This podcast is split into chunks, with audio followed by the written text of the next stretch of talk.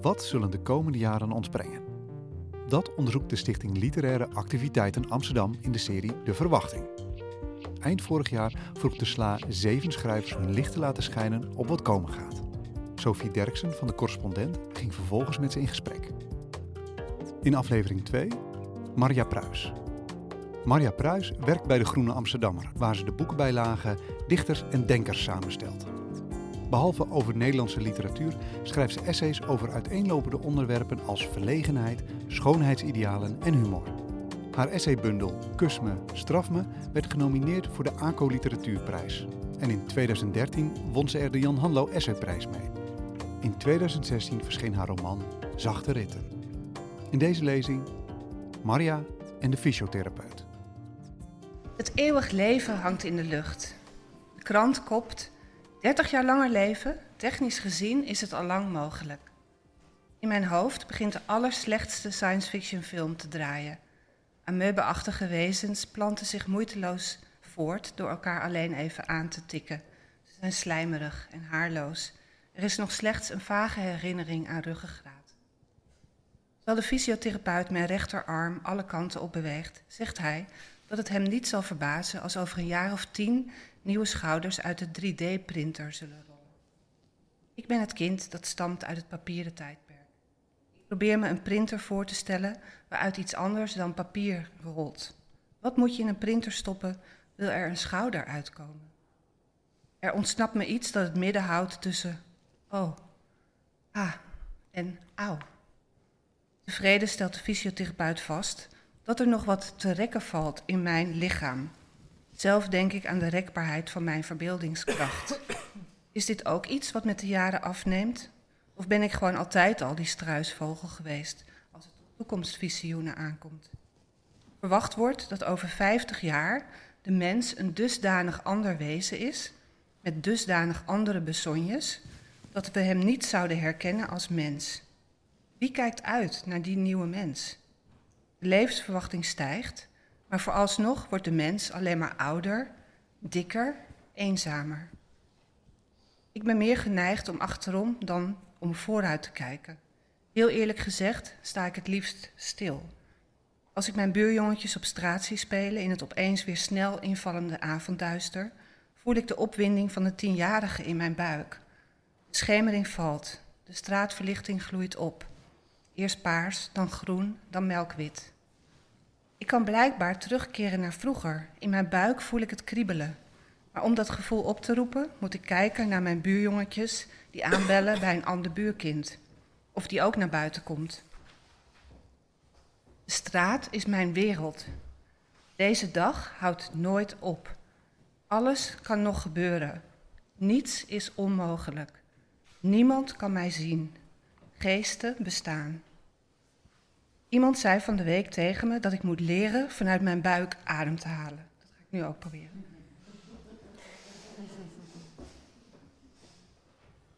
Iemand zei tegen me dat ik meer zuivel moest eten. De fysiotherapeut zegt tegen me dat mijn rechterarm weer sterker moet worden. Ik ben under permanent construction. Ik moet het maximale halen uit dat ene leven dat me is gegeven inspanning die dat kost is gebaat bij begrenzing, zou je denken. In het feit dat de mens zich kan committeren aan zoiets tijdelijks als het leven, zag Camus de principiële vrijheid van de mens.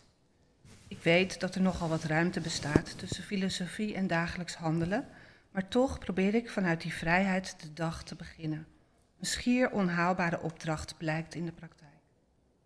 In de werkelijkheid van alle dag ben ik een gebonden dier, afgericht, het best gedijend bij de gedachte een programma te volgen. De fysiotherapeut mobiliseert met alle macht de omgeving van mijn rechter schouderkap. Dit zijn de schouders, de armen waarmee ik het moet doen. Het is met recht een therapeutische sessie die zich hier voltrekt. Ik heb al een keer tranen geplengd toen ik op mijn buik lag, met mijn gezicht in de daartoe uitgespaarde ruimte van de massagetafel. Dikke druppels zag ik op de grond uiteenspatten. Wat de directe aanleiding was? Laten we het erop houden dat er gekke dingen met je gebeuren als je wordt aangeraakt. Ga even op je linkerzij liggen, zegt hij. En hij zegt: Meisjes die nu worden geboren, hebben een gemiddelde levensverwachting van 100. Er hangt een levensgroot menselijk skelet aan de muur. Ieder ledemaat, iedere spier is getekend en benoemd. Ik zeg, oh help. Toen ik iemand vertelde dat ik wel eens mijn toevlucht nam tot het nuttigen van een enkele alcoholische versnapering om een feestje door te komen, of een avond met een vriend, vond hij dat heel depressief klinken. Professor, we kunnen het leven al maar meer oprekken, juichte de presentator van de talkshow tegen zijn gast. Hoe oud zou u zelf willen worden? Oh, lachte de professor als een blije debiel, kennelijk onmiddellijk uitkijkend over sappige weiden, kilo's lekkers, nog meer roem, oneindig oud. Klinkt het heel depressief als ik niet per se lig of sta te juichen, als het op het verlengen van de levensduur aankomt? Als ik zeg dat ik wel blij ben met de gedachte dat er een einde aan komt? Of spreekt hier typisch de hoogvaardige, gezonde mens die, voor zover ze weet, niet meer dan iemand anders te vrezen heeft dat het onverwacht snel is afgelopen? Die zich in feite nog geen voorstelling kan maken dat het op een dag is afgelopen. We beelden ons in dat we zullen sterven op het eind van ons leven. Wat niet alleen logisch, maar ook rechtvaardig en zeer mooi zou zijn, schreef de Vlaamse filosoof en schrijfster Patricia de Martelade in haar essay over levenskunst. Ja, verder. In werkelijkheid sterven we op weg om onze kinderen van school te halen, in bad, luisterend naar een cultureel programma op de radio of in bed met een vrouw die niet de onze is. In het toneelstuk van Beckett hebben de personages een houten bord om hun nek hangen. Op dat bord staat een getal. Het is de leeftijd die ze zullen bereiken. Je kunt niet op je eigen bord kijken, alleen op dat van de ander. Op dat medelijden en hoogmoed jegens de ander zegevieren, terwijl jij zelf, zonder het te beseffen, net zo beklagenswaardig bent en daarmee de meest beklagenswaardige. O blissful ignorance, o vrolijke wetenschap. Nee, ik mag niet tillen, zeg ik smiddags tegen mijn zus. We zijn bezig wat spullen uit het ouderlijk huis te herverdelen. Als we het onderste deel van het naaitafeltje eruit schuiven, komt er een oude agenda mee. Jee, zeg ik, 1992. Het is een smalle blauwe agenda, zo'n relatiegeschenk van de bank waar mijn vader werkte. Niks bijzonders, maar het is ook het houten bord waar, dat mijn vader om de nek had. Onschuldige mededelingen, gepriegeld in de daartoe bestemde ruimte. 16 uur kapper. Naar Corrie en Jur, Mout en Walter komen bij ons. 18 uur Wageningen. Mijn naam staat erin. Ik word weggebracht en weer opgehaald van Schiphol. Mijn moeder heeft haar naam en adres vooringeschreven. 1992. Zoals Rob van Essen in zijn nieuwe roman De Goede Zoon schrijft: Overal waar je geweest bent, zou je moeten kunnen blijven. Je zou er in ieder geval een versie van jezelf moeten kunnen achterlaten, die je later nog eens zou kunnen opzoeken. Iedereen die je bent geweest, zou je nog steeds moeten zijn. 1992. De verwachting dat ik iets in de agenda vind, iets, een voorteken, blijkt valse hoop. Waren onschuldig, niet wetend, zoals zoals je dat alleen met terugwerkende kracht kunt zijn. Ik werd weggebracht en ook weer opgehaald. We waren principieel vrij, vol van verwachting. Kijk, daar staan ze. Mijn moeder, mijn vader, ze zwaaien naar me. Vorige week was ik 32, gisteren ben ik 59 geworden. U hoorde net de lezing van Maria Pruis. Nu gaat ze in gesprek met journalist Sophie Derksen over vooruitkijken en de wijsheid van struisvogels. Dankjewel, Maria Pruis. Ik was ook ontroerd uh, toen ik het las. Jij ook even net, hè? Toen je het voorlas. Je ging nog zo door je buik ademen. Waarom? Slaat het nergens op? Om, om ontroerd te zijn. Ja. Als je iets moet voorlezen. Ja. Dat Alsof je om jezelf ontroerd bent. Ja, oh ja, ingewikkeld.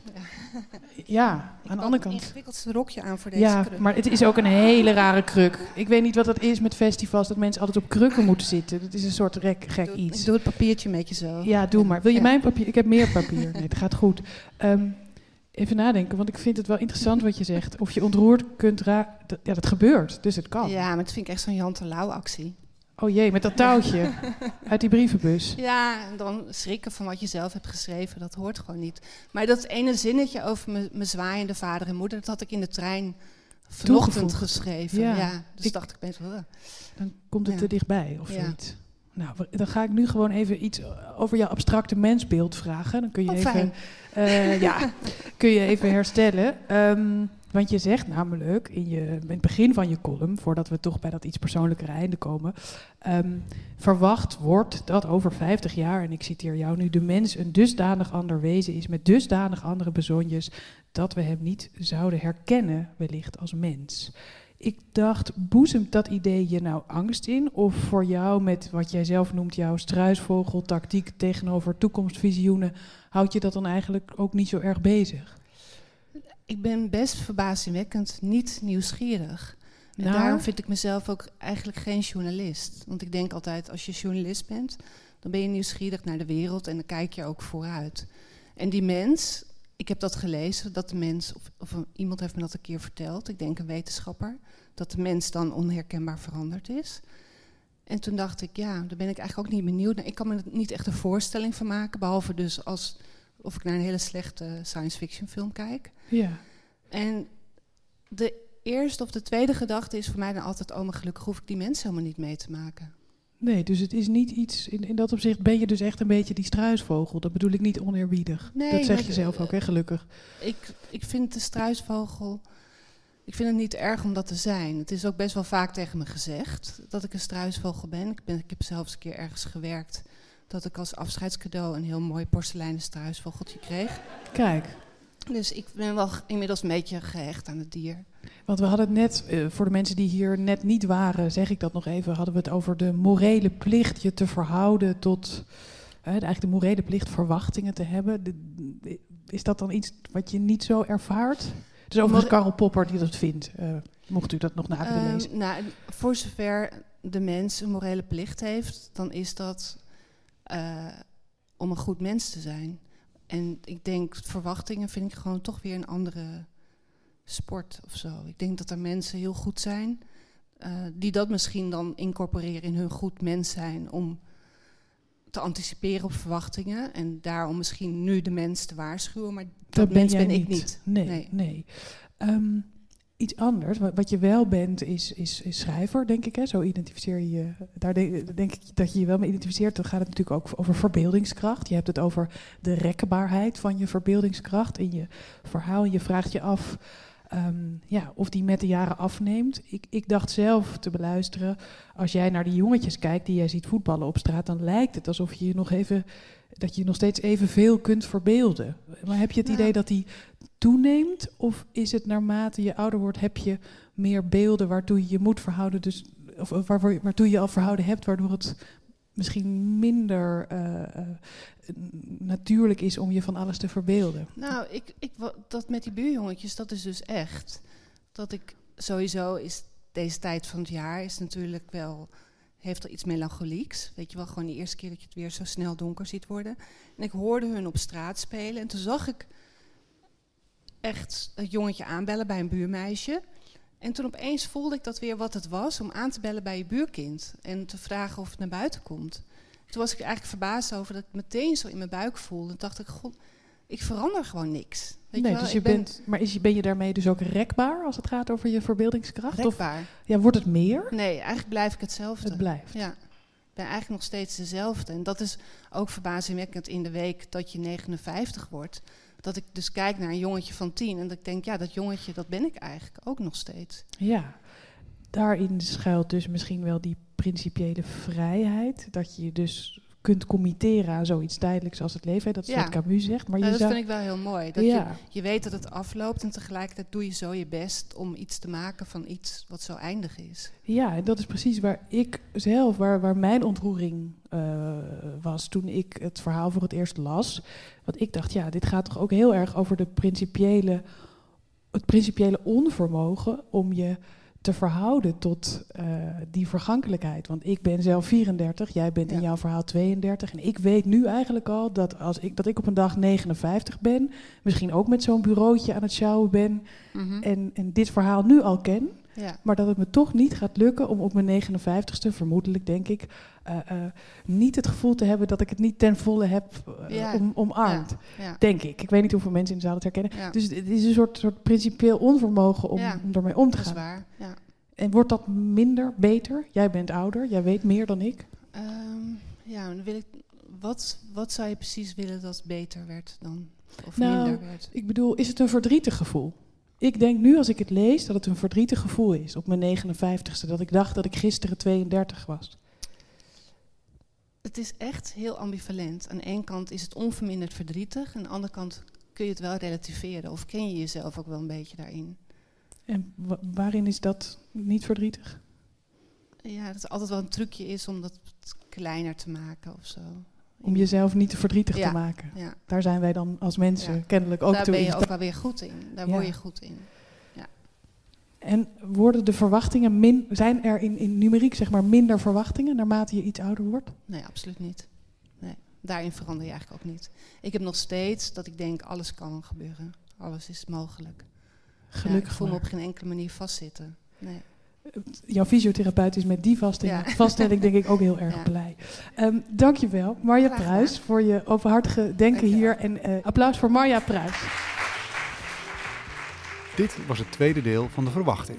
Een reeks lezingen en gesprekken opgenomen op het Brainwash Festival in de Agnietenkapel te Amsterdam. Met hartelijke dank aan Maria Pruis en Sophie Derksen.